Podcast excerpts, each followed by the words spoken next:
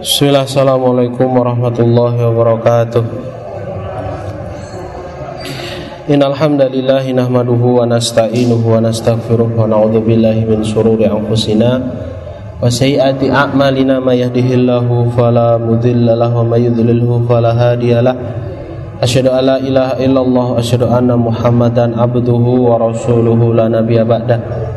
Fa inna asdaqal hadits kitabullah وخير الهدى هدى محمد صلى الله عليه وسلم شر الأمور محدثاتها لو إن كل محدثة بدعة لو إن كل بدعة ضلالة لو إن كل ضلالة في النار Ki suara luar napa Pak? Mboten? Hah? Suara dalam napa luar?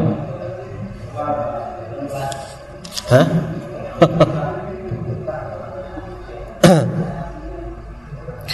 Rahmatullah kita lajengaken nggih e, kajian wonten ing kesempatan dalu punika nggih. Membahas kitab Riyadhus Shalihin. Pada kesempatan malam hari ini insyaallah kita akan oh, nggih tes tes. Kita akan membahas terkait kalian bab fadlil ju'i wa khushunatil ais wal iqtisar 'alal qalil minal ma'kul wal mashrub wal malbus wa ghairiha min khudu khududin nafsi wa tarkis syahwati. Itu bab apa? Bab yang diberikan oleh Imam Nawawi. Ini judulnya panjang sekali. Intinya adalah keutamaan kula panjenengan punika al iktisar Pak. Iktisar punika tidak berlebih-lebihan dalam urusan al makul wal masrub wal malbus gitu. urusan makanan minuman dan berpakaian gitu.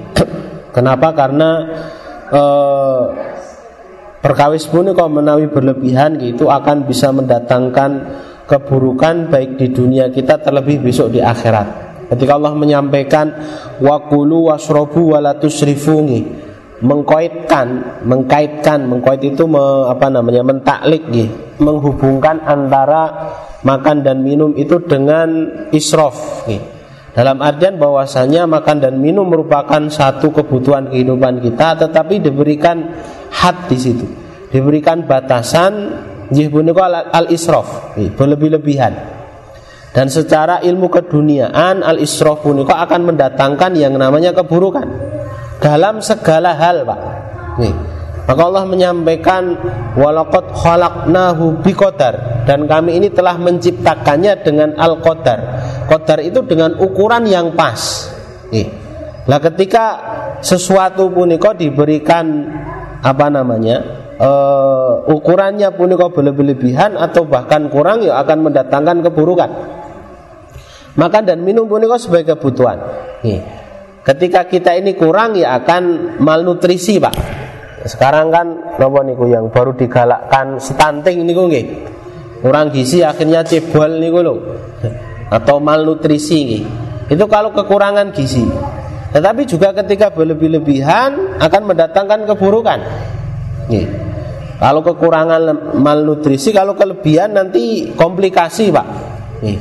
Jadi tiang punika kan seluruh penyakit pun hampir karena alumni mangane ora dijogo Pak Orang kalau berlebihan makan nasi diabetes gitu. Berlebihan makan daging bisa nopo kolesterol gitu. asam urat macam-macam gitu.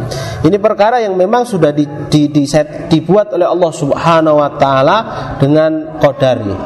Maka orang yang paling baik pun adalah orang yang dia bisa iktisor menjadikan sesuatu punika di pertengahan dalam urusan dunia.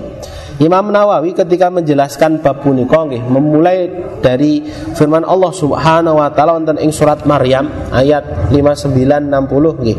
A'udzubillahi minasyaitonir rajim.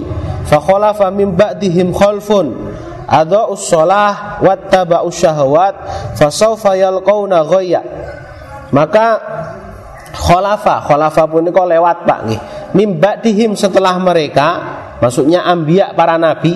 Berarti termasuk di situ Nabi Muhammad Shallallahu Alaihi Wasallam. Nih ada usolah ada orang-orang yang setelah Nabi Muhammad Shallallahu Alaihi Wasallam puniko adalah orang-orang yang ada usolah ada usolah puniko menyepelekan urusan sholat pak.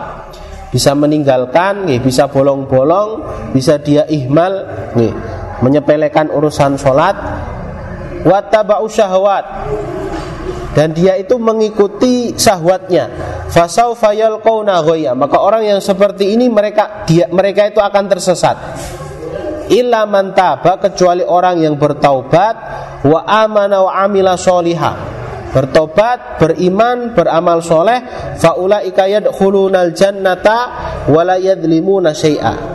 Wala yudlamuna syai'a. Maka orang yang bertobat, beramal soleh, beriman, beramal soleh, maka mereka itu akan masuk ke dalam surga dan Allah tidak akan mendolimi sesuatu apa pun.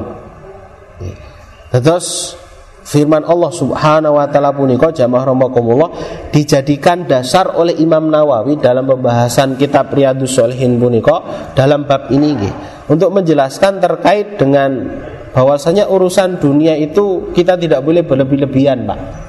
Jadi memang penekanannya pada bab ini adalah agar kita ini tidak berlebih-lebihan. Beliau menjelaskan, ya, disyarah oleh Syekh Utsaimin ketika menjelaskan bab punika, hadzal bab zakarahul mualif. Dalam bab ini penulis me menyebutkan nggih, ba'da bab zuhdi fid dunya. Ditempatkan setelah bab agar kita ini zuhud terhadap urusan dunia. Yubayyinu fihi anna al, anna, anna alal insani alla yukatsiru minasyahawat fi umuri dunya Beliau penulis berarti Imam Nawawi menjelaskan agar manusia itu mereka tidak berlebih-lebihan dalam menuruti hawa nafsu urusan dunianya. Nih, karena hawa nafsu punika kan memang satu apa fitrah yang Allah Subhanahu wa taala berikan kepada kita. Kita ini tidak bisa lepas dari dorongan hawa nafsu, Pak.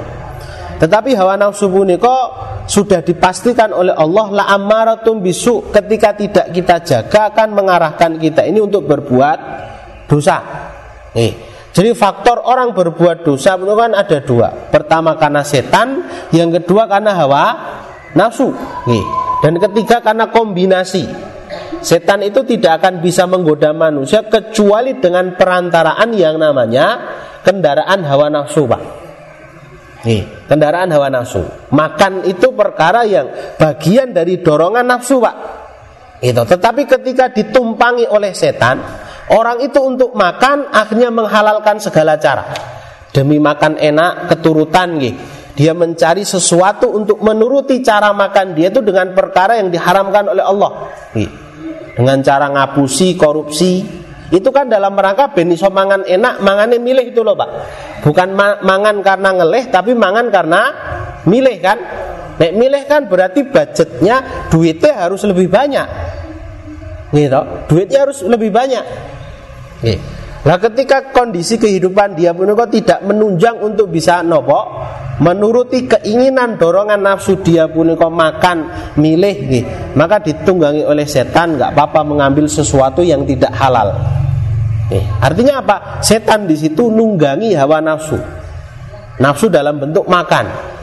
Eh, yang sebenarnya hukum asal makan pun perkawis engkang rubah tetapi ketika sudah ditunggangi oleh hawa nafsu hanya untuk sekedar punika napa memenuhi kebutuhan makan punika akhirnya melakukan perkara yang dibenci oleh Allah Subhanahu wa taala. Berarti itu kombinasi antara dorongan syahwat dengan setan. Dulu kita pernah menjelaskan memang berbeda Pak antara dosa hasil dari hawa nafsu dan dosa hasil daripada setan kalau dosa hasil dari hawa nafsu punika adalah dosa yang bentuknya uh, nyandu, bentuknya terus menerus. Ketika ada orang dia terikat dengan satu dosa dan tidak bisa lepas dari dosa punika. Padahal dia tahu itu perbuatan dosa. Nih, misalnya bapak-bapak ngaji nih, dijelaskan nek ngerasani niku dosa, Pak. Tapi tetap ngerasani. Tetap ngerasani. Walaupun dia tahu ngerasani itu dosa. Dan ibu-ibu nggak mau kalah juga, gitu.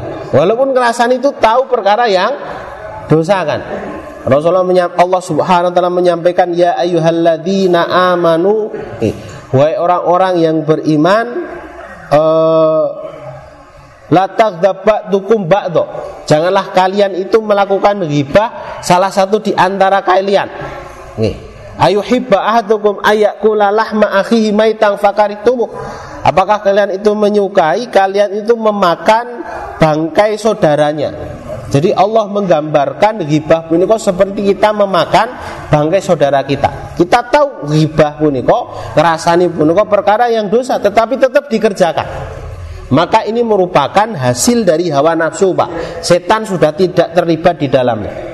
Terus menawi jenengan punya dosa yang terulang-ulang sampai sekarang. Mungkin-mungkin mboten. Gitu. Jangan salahkan setan karena itu hasil dari hawa nafsu. Adapun setan, nih, salah satu ciri perbuatan dosa yang karena godaan setan itu adalah dosa yang dia tidak peduli. Nih, yang penting di situ ada kesempatan berbuat dosa. Ketika kita kalah, nih, hawa nafsu kita ini kalah berarti itu karena perbuatan ada intervensi ada ada apa ada peran dari setan untuk menggoda kita Nih. karena setan itu kan selalu stand standby dalam apa 24 24 jam kehidupan kita Pak. Perkara-perkara yang bisa menjadikan apa namanya perbuatan itu menjauhkan kita dari Allah maka setan terlibat di situ mencoba untuk menggodanya. Gitu. Makan misalnya. Itu kan sunnahnya berdoa. Nih digoda oleh setan. Nih lali pak dungone bukan lali bacaannya nih tapi lali orang dongo nih atau makan kan sunnahnya memakai tangan kanan nih tapi etel we makan dengan tangan kiri misalnya makan kan minum sunnahnya dengan tangan kanan tapi setan menggoda di situ agar minum dengan tangan kiri nih hatta dalam perkara yang yasir pak perkara yang mungkin remeh Contohnya, contohnya misalnya kebiasaan kita kan seneng mangan gorengan pak nih. Mangan gorengan enaknya gue lombok pak. Ya kan? Tangan kanan nyekel gorengan, tangan kiri nyekel lombok gitu loh. Gitu. Atau kadang mengelabui malaikat pak. Misalnya mangan muluk nganggo tangan kan, tangannya kotor, ngelak ajeng, no ajeng ngunjuk pak. Gitu. Pegangnya pakai tangan kanan, terus di demek sidik nganggo tangan eh, megangnya pakai tangan kiri kan diminum terus di dipegang sedikit dengan tangan kanan yo ini tetap nggak bisa dikatakan sebagai orang yang minum dengan tangan napa? Dengan tangan kanan nih. Karena apa? Karena kirinya pun kau apa nih. Sesuatu itu kan dihitung di, dihukumi apa namanya ketika ada dominasi di situ. Nih. Hatta dalam perkara kalau urusan ibadah pun sesuatu engkang tidak mendominasi saja itu bisa merusak sesuatu yang dominan. Atas air misalnya. Air itu ketika jenengan gadai air satu ember berasal dari air hujan. Punika kan statusnya tohir mutohir, suci dan mensucikan. Tetapi ketika air itu terkena najis walaupun hanya satu tetes pak, nih walaupun hanya satu tetes nih, maka apa? Yang satu ember itu menjadi mutanajis. Status tohir mutohirnya berubah jadi mutanajis karena hanya najis yang satu tetes. Itu tidak mugholabah. Nih. Apalagi kalau jenengan minum dengan bentuk seperti itu kan. Nih. Kadang kalau panjenengan punika kan e, melakukan perkara yang tidak diridhoi oleh Allah Subhanahu wa taala alasane kesusu Pak nggih nah, cuci tangan dulu kan kesuwen kan. Sebenarnya kan tangan kotor mingga gelas pun kan nggak nggak mengapa kan. Dan kita tahu bahwasanya al ajalatu minasyaiton. Ketergesaan punika juga termasuk kendaraannya setan. Nih. Jadi setan itu selalu standby 24 jam dalam kehidupan kita menggoda kita Pak nih agar melakukan perkara-perkara yang tidak disukai oleh Allah. Tidur kan dilupakan kita berdoa ngeri ngantuk ya wis turu les kan. Nih. Jadi seperti itu nggih. Fatullah rahmatullah yang mudah-mudahan dirahmati oleh Allah Subhanahu wa taala nggih. Ini perkara yang uh, penting untuk untuk kita sampaikan, beliau menjelaskan bahwasanya perkara yang akan bisa menjadikan kita ini jauh dari Allah Subhanahu wa taala itu adalah karena dosa yang yang penyebabnya adalah setan dan hawa nafsu. Lalu beliau menjelaskan wa ayyak tasiro ala qadril hajah faqat. Hendaknya kalau panjangan sudah kok ketika mengambil urusan dunia qadril hajah. Ini paling baik, Pak. Sesuai dengan kebutuhan kita saja. Wala tusrifu. Jangan berlebih-lebihan. Kama kana Nabi SAW yaf'alu dzalik sebagaimana Nabi Shallallahu alaihi wasallam melakukan perkara itu. Nih. Jadi ada sekian hadis yang menjelaskan bagaimana Rasulullah punika memilih sesuatu itu yang sedikit Pak, bukan berlebih-lebihan. Nih. Seperti di sini ada tiga hadis saya bacakan nih. Riwayatnya dari Aisyah radhiyallahu anha beliau menjelaskan masa alu Muhammad sallallahu alaihi wasallam min khubsin syairin yaumaini mutatabi'aini hatta kubido. Nabi Muhammad ini testimoni kesaksiannya Aisyah. Nabi Muhammad dan keluarganya itu mereka tidak pernah merasakan kenyangnya perut dua hari berturut-turut, Pak. Ya, artinya dua hari itu merasakan yang namanya kenyangnya perut tidak pernah. Ya, selama dua hari. Dalam artian ya, paling kenyang sebentar. Tapi kalau dua hari berturut-turut, ya, itu pasti ada satu hari yang tidak bisa kenyang perutnya. Ya. Hataku bido sampai belum puniko meninggal dunia. Bayangkan pak, khairul anam manusia terbaik cara hidupnya puniko kados kados puniko. Nih, begitu juga belum menyampaikan. Nih, mundu qadimal Madinah minto amil bur. Ada tambahan lagi sejak beliau itu datang ke Madinah. Itu belum pernah kenyang kesaksian daripada Aisyah. Nih. hadis yang lain nih, bahwasanya Aisyah radhiyallahu anha pernah mengatakan wallahi ya bena ukhti. Nih. jadi beliau pernah bertemu dengan ibna ukhti. Ibna ukhti itu berarti anaknya saudara perempuan ponakan pak. Berarti masih mahram. Namanya urwah. Nih. Urwah ini kok anaknya siapa namanya? Saudaranya Aisyah. Nih. Inna kunna lanang duru ilal hilal. Sumal hilal. Salah tata ahila fi ini kami ini kata Aisyah pernah mengalami bersama dengan Rasulullah. Nih kami ini melihat hilal. Lalu melihat hilal lagi. Lalu melihat hilal lagi. Salah satu ahillah. Tiga kali berturut-turut kami ini melihat hilal. Hilal itu apa pak? Tanda permulaan bulan komariah. Nih, bulan komariah itu kan di, ditandai dengan munculnya hilal. Hilal itu bulan sabit. Nih.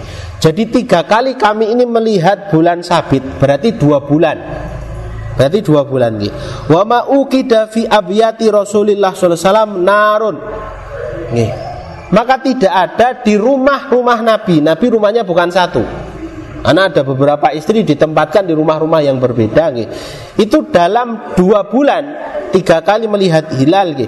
Itu tidak ada di dapurnya Nabi itu api pak. Karena tidak ada yang bisa dimasak. Tidak ada yang bisa dimasak. Nih.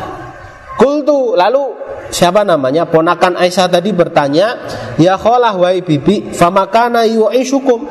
Apa yang menjadikan apa yang menunjang kehidupan kalian? Maksudnya jenengan dan Nabi Muhammad SAW dan keluarganya. Kolat maka beliau mengatakan al aswadan. Yang menjadi kami ini masih bisa makan itu hanya dua al aswadan. Aswadan itu dari kata aswad aswad itu hitam aswadan itu dua dua sesuatu yang hitam. Nih, atamru wal ma yaitu apa? Kurma dan air putih, Pak. Kurma dan air putih. Ila annau qad kana Rasulullah jironu minal ansor nih. Jadi ini, Pak, nih. Maka beliau Utsaimin punika menjelaskan nggih. Tsumma mu'alif an Aisyah bahwasanya Rasulullah Shallallahu alaihi wasallam punika dengan posisi beliau sebagai nabi pertama. Yang kedua sebagai kepala negara. Di Madinah itu kan belum menjadi kepala negara. Itu seandainya beliau ingin me menjadikan harta beliau puniko dalam bentuk emas sebesar gunung, itu beliau mampu, Pak. Beliau itu mampu. Tetapi beliau tidak melakukan itu. Beliau puniko tidak melakukan itu nggih. Kenapa? Karena beliau ingin memberikan contoh kepada kita terkait dengan khairul ma'isyah, tata cara kehidupan yang paling baik. Tata cara kehidupan pun yang paling baik. Jadi mengambil dunia punika secukupnya. Ini untuk pribadi, Pak. Untuk pribadi. Tapi kalau untuk umat nggak boleh berpikiran seperti ini. Maksudnya apa? Kalau untuk pribadi kulo panjenengan punika boleh. Hanya sekedarnya saja. Tapi kalau berpikiran untuk umat, maka umat itu harus kaya. Apa yang dibutuhkan oleh umat di situ harus ada. Seharusnya idealnya pun kok seperti itu. Oke. Rasulullah pun kok kalau urusannya untuk umat nih dari sisi harta finansial selalu ada. Nih. Beliau mentahrid yang namanya perang Tabuk, Pak. Tabuk puniko dari Madinah perjalanannya 620 sekian kilometer. Nggih. Itu bayangkan harta logistik yang dibutuhkan puniko seberapa. Tapi ada disediakan Rasulullah dan para sahabat. Gitu loh. Mampu untuk mengadakan perjalanan dengan sekian apa bekal untuk apa untuk datang ke sana PP Pak pulang pergi. Kalau itu untuk urusan umat. Tapi kalau untuk urusan yang namanya urusan pribadi pun kok takolun jadi penjelasan ini bukan sebagai apa namanya tahwif Pak tahwif pun kok bentuk menakut-nakuti kita untuk tidak banyak mendapatkan jatah keduniaan tidak Silahkan menjadi orang sing duitnya oke, omai apik Pak nggih, panganane lengkap di rumah nggih. Tapi jangan hanya untuk perkara kebaikan diri kita saja. Bukan hanya kenikmatannya itu kenikmatan yang kita apa? Kita nikmati saja. Gitu loh. Syariat kan mengajarkan kepada kita apa? Kata Allah Subhanahu wa taala lan tanalul birra hatta mimma tuhibbun. Kalian itu tidak akan mendapatkan kebaikan sampai menginfakkan apa yang kalian cintai gitu loh. Jadi mikirnya itu untuk kebaikan kita dan kebaikan umat, kebaikan orang di sekitar kita. Iya. Maka sunnahnya ini termasuk bagian dari sunnah pak. Yang jenengan pengen mangan ayam pak nih.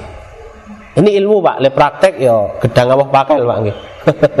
Misalnya jenengan pengen masak ayam nih. Idealnya nek ayam itu cukup apa namanya untuk keluarga kita itu cukupnya satu kilo, jenengan belinya dua kilo.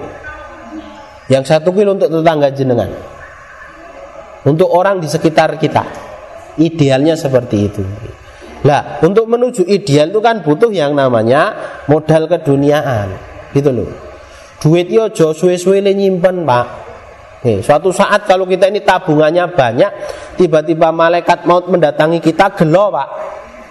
Harta yang kita kumpulkan banyak tidak sempat kita makan, tidak sempat kita berikan kepada anak istri, tidak sempat kita tasorufkan untuk urusan akhirat, kita ini akan gelo besok. Ini bukan perkataan saya.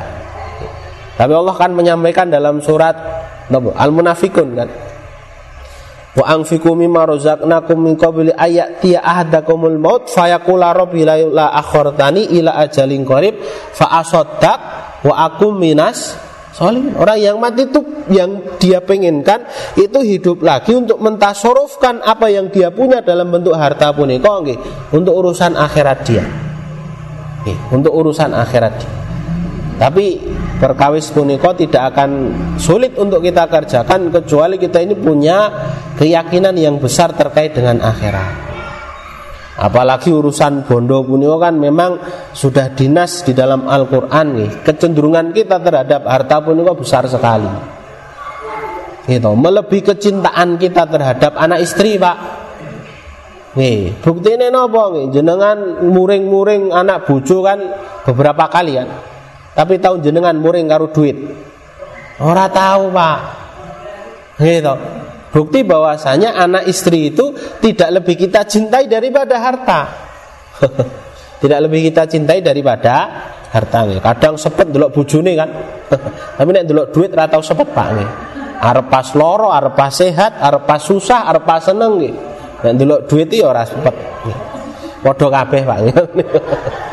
Jadi seperti itu nggih. Fatulah yang mudah-mudahan dirahmati Allah Subhanahu wa taala.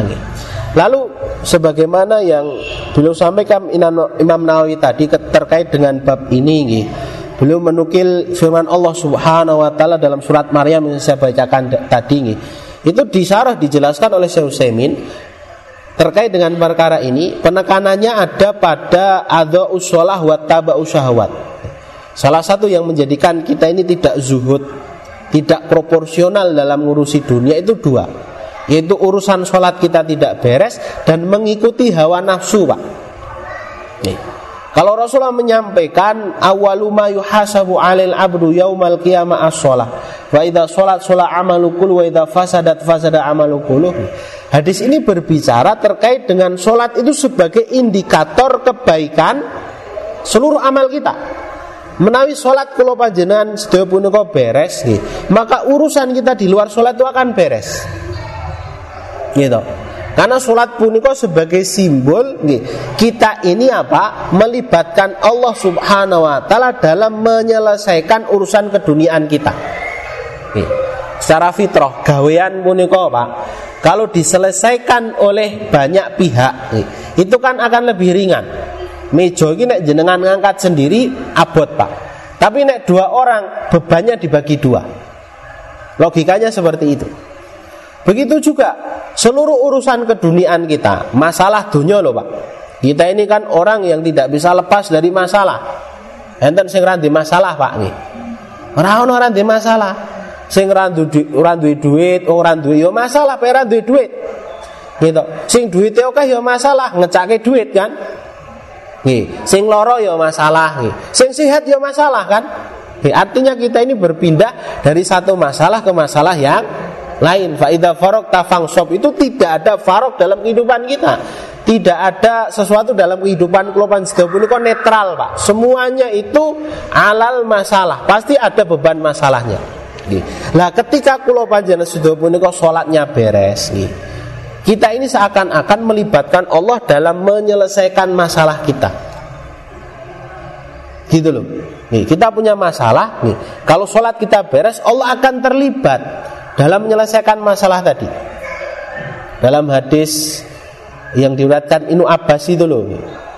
Ketika Rasulullah bersama dengan Ibnu Abbas di atas kendaraan, Rasulullah kan berwasiat, "Ifadillah yahfadka, ifadillah tajidhu tujahaka." Jagalah Allah maka Allah akan menjagamu. Nih, jagalah Allah maka kamu akan menemukan Allah itu tujahaka ada di depanmu. Maksudnya ada dalam setiap permasalahan yang kita hadapi Allah itu ikut mel, apa namanya? terlibat dalam menyelesaikan masalah kita. Sampai puncaknya pun kata Rasulullah nih.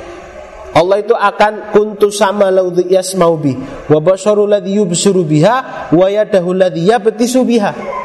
Nih, kalau orang itu sudah dicintai Allah dan salah satu bentuk apa? Salah satu bentuk Allah mencintai hamba itu dilihat dari sholatnya. Allah akan menjadi penglihatan yang dengannya orang tadi melihat, pendengaran yang dengannya orang tadi mendengar, menjadi panca indera yang dengannya panca, panca indera itu digunakan. Maksudnya apa? Allah terlibat dalam setiap penyelesaian masalah urusan dia. Itu dimulainya dari sholat pak. Tapi kalau orang sholatnya bermasalah, berarti dia buat masalah dengan hubungannya dengan Allah. Allah tidak mau terlibat dalam urusan dia. Nih, sehingga pilihan-pilihan pemecahan masalah pun pilihan yang memberatkan dia besok di akhirat. Orang di duit itu masalah pak. Tapi bagi orang yang sholatnya itu benar nih, dia akan perhatikan dalam mencari duit pun kok perkara yang benar-benar halal. Gitu loh. Itu membuktikan Allah menjaga dia. Menjaga dia. Nih, kalau orang punika dua masalah terkait dengan uang, ranti duit, tapi Allah tidak apa menjaga dia kan? Ya sah sah, sepenting oleh duit. Nggak peduli status halal ataupun haram. Hatta dalam perkara yang nuwun sewu, hakir sekalipun. Kalau Allah tidak menjaga, dia jatuh di situ. Hakir itu perkara yang remeh pak sebenarnya. Nih, berarti orang berjanji, lima ngatus sewu, rongewu pak nih ini gue segora warak pak Sego kucing saya kira setengah kan Ya kan Itu ketika Allah tidak sayang dengan dia pun kok Nih, Setan masuk di situ kan? Bu-ibu sing biasa ten pasar itu loh kan? Sering menyaksikan kan? Ketika dinya ngeroleh Jawabannya apa? Sama ini kira oleh mas Padahal ya oleh kan? Kita nggak tahu nih. artinya dia memasukkan di situ unsur kedustaan. Kita tidak seudon, tapi banyak yang memang seperti itu. Gitu.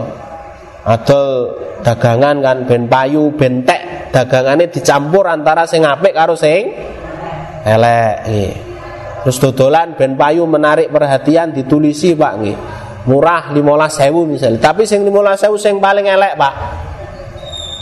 Gitu sing pilihannya paling elek. Engko sing paling apik ya regane 100.000 150.000 nggih. Orang terjebak di situ kan.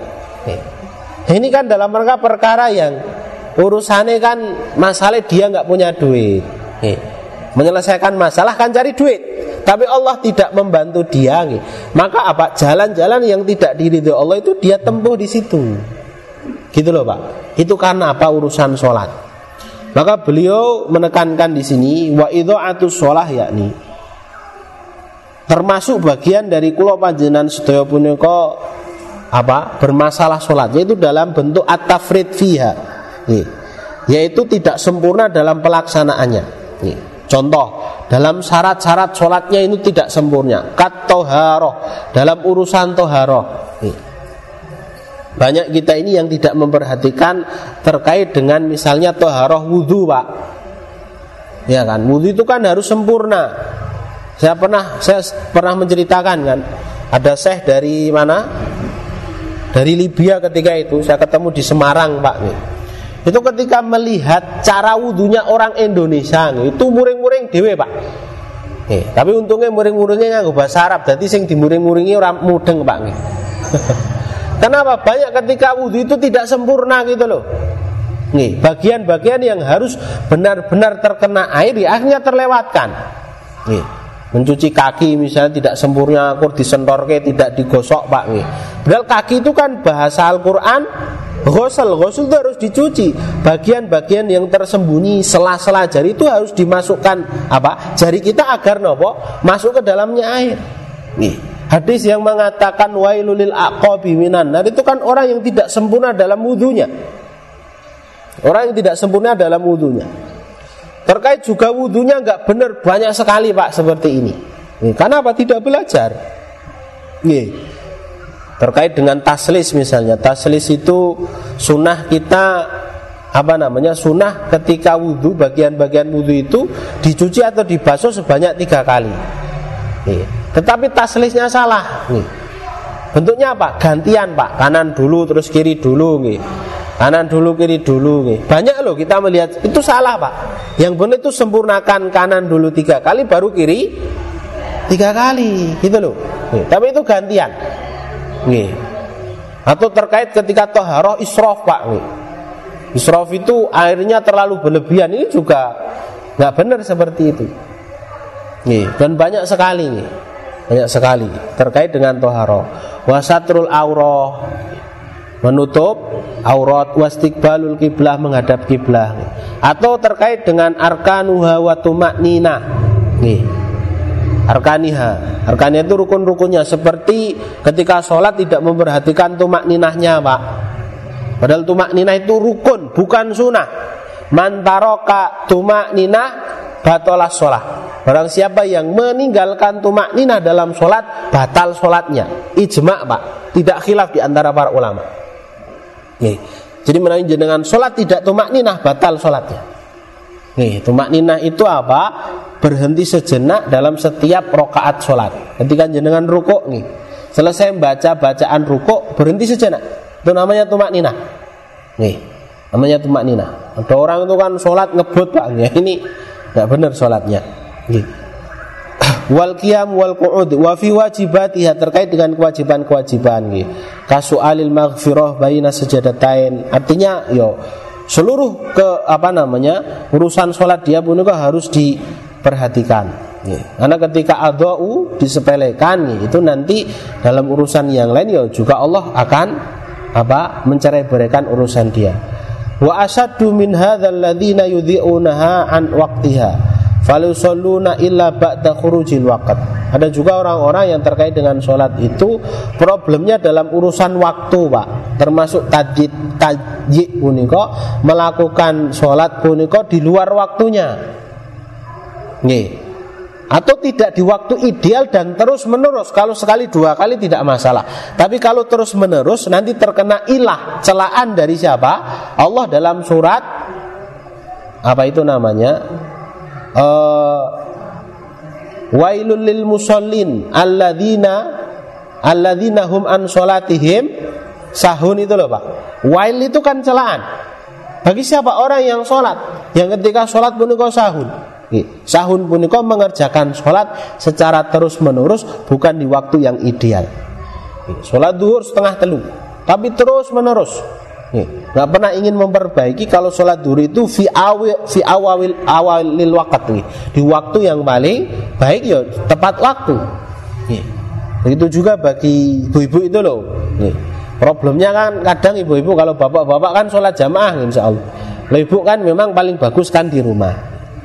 Itu kadang karena urusan masa, urusan macam-macam kan akhirnya jangan berkali-kali, sekali dua kali buatan mas. Tapi kalau terus menerus bisa terkena ilah apa? Celaan dari uh, firman Allah Subhanahu wa taala punika. Gitu. Begitu juga ketika Jumatan itu nggak usah nunggu bapak pulang. Nih. Ketika sudah adzan masuk kewajiban sholat. Lalu nunggu nggak karo turu ya masalah kan. Akhirnya tanginnya setengah telu kan, dure setengah telu gitu.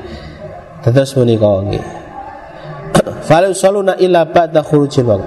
Fa inna haula'i imma ayyakuna lahum udhrun min naumin aw nisyanin. Memang kalau kita ini mengerjakan sholat tidak di waktu yang fadil, waktu yang utama karena tidur atau karena lupa itu nggak masalah nggak masalah Fasolatu makbulah, sholatnya pun kau diterima. Walau ba'dal waktu. Wa imma alla yakuna lahum udhurun fasolatu marduda. Tapi kalau orang itu meninggalkan sholat bukan karena udur, bukan karena udur. Latak balam Allah tidak akan menerima sholatnya walau solu alfa marroh walaupun sholat seribu kali walaupun sholat seribu kali dan banyak kan kita temui dalam urusan sholat pun kok ihmal pak kita ini.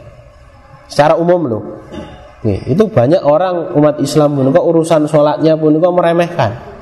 Nih, lebih berat ngurusi dunia pak. Nih, padahal tidak ada di dunia ini yang lebih utama nih, yang bisa mengalahkan urusan puniko dengan urusan sholat tidak ada. Tidak ada. Terus puniko. Jamaah rahmakumullah pun tadi sholat nih yang bisa mencerai berikan urusan kita terkait dengan hubungan kita dengan Allah nih. Selanjutnya yang kedua adalah watabau syahwat yaitu mengikuti syahwat yakni laisalahum hamun illa syahwat. Di dalam benaknya pun kok ya hanya untuk menuruti keinginan hawa nafsu pikirannya kedunian Pak.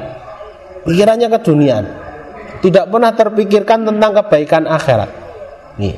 Ini perkara yang bisa merusak. Mata stahihi butunihim wa furujihim.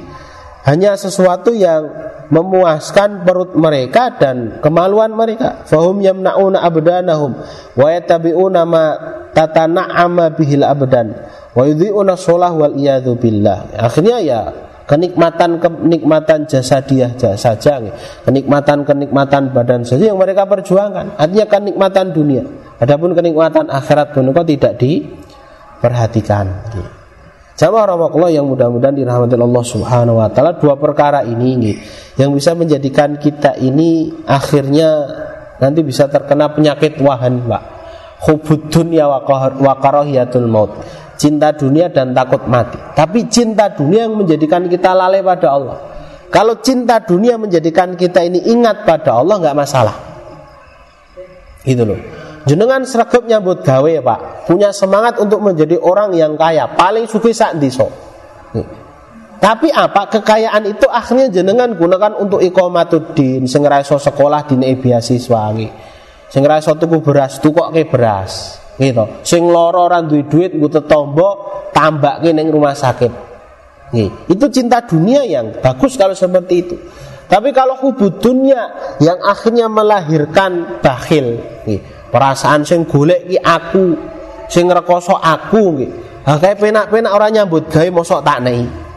Nggih. Kalau cinta dunia yang seperti itu yang yang merusak. Terus punika nggih. Jamaah rahmatullah yang mudah-mudahan dirahmati Allah Subhanahu wa taala nggih. Maka mari bersama nih kita menyadari bahwasanya kenikmatan dunia punika perkawis yang halal untuk kita nikmati nih. Tapi jangan terlalu banyak sehingga sehingga melalaikan kula punika dalam tujuan utama beribadah kepada Allah, berzikir kepada Allah, ingat terkait dengan urusan akhirat kula panjenengan sedaya. Makatan jamaah rahimakumullah nyuwun ngapunten mugi-mugi manfaat. Enten pertanyaan monggo. Nggih, Bu.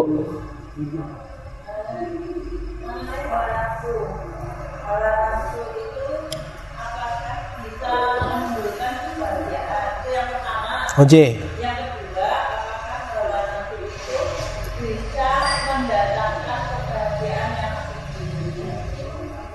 Nggih. Hawa nafsu itu ketika menge mengelolanya dengan benar itu bisa mendatangkan nopo kebahagiaan fit dunia wal akhirah. Nih, kebahagiaan kita di dunia dan di akhirat. Memang hawa nafsu itu gambarannya adalah kan kesenangan. Nih, mangan, kumpul, nopo melayu, semuanya kan. Nih, itu mendatangkan yang namanya kenikmatan. Tapi kalau tidak dibingkai dengan Al-Quran, tidak dibingkai, dibingkai dengan orientasi akhirat, ya kesenangannya pun kok yang mata ghurur, kenikmatan yang menipu hanya kenikmatan dunia saja. Gitu loh. Tapi kalau hawa nafsu itu kita bingkai dengan benar. Mangan misal, mangan itu kan menjanjikan sensasi sengeleh dari warak kan. Enak gitu loh kalau mangan. Kalau orang itu punya orientasi akhirat, niatkan saja mangani punika le ngaji ben semangat, salate ben semangat, nyambut gawe ini ben semangat dalam rangka untuk nopo infak fisabilillah. Sama-sama makan, Bu. Sama-sama nafsu di situ terlibat nih. Tapi yang satu hanya sekedar tamatuk nih. Hanya motivasi nopo, oh pengen mangan nopo, hanya motivasi, oh pengen ngeleh akhirnya makan nih. Itu nuwun sewu akhirnya cuma jadi kotoran. Tapi kalau yang diniatkan tadi mangane ben semangat ibadah itu akan mendatangkan kebahagiaan di dunia dan di akhirat. Ngoten niku alam bisawab. Sampun? Ye.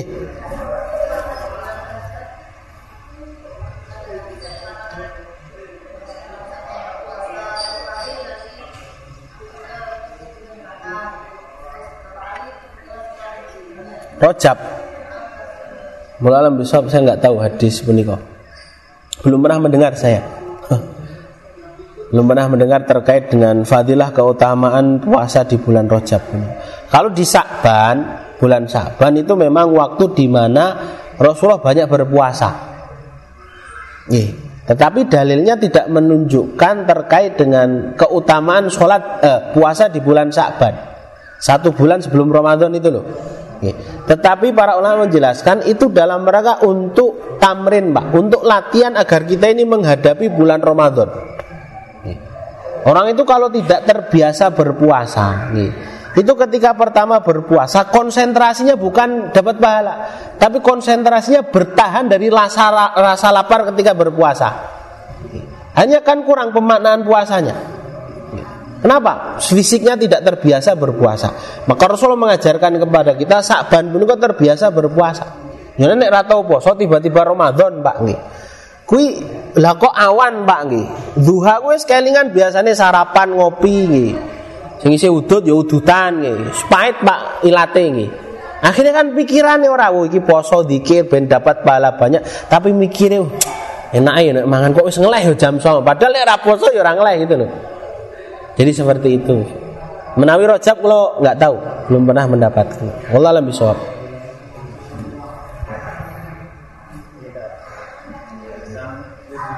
Oje.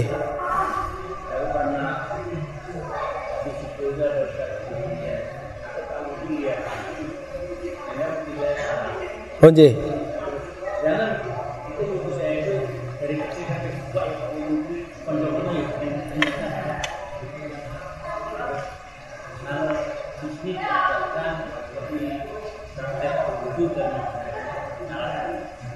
Oh, okay. Apa-apa. Dulu kan pernah kita bahas apa? Kitab Umdatul Ahkam itu loh. Oh ya, besok disiapkan Mas Fajar. Video sifat udhu Nabi itu loh. Bawaan berarti. Iya Pak, Insya Allah.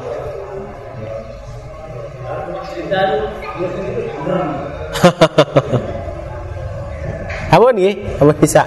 Dan tutup ganti wawasan doa kafaratul majlis. Subhanakallah bihamdika. Assalamualaikum warahmatullahi wabarakatuh.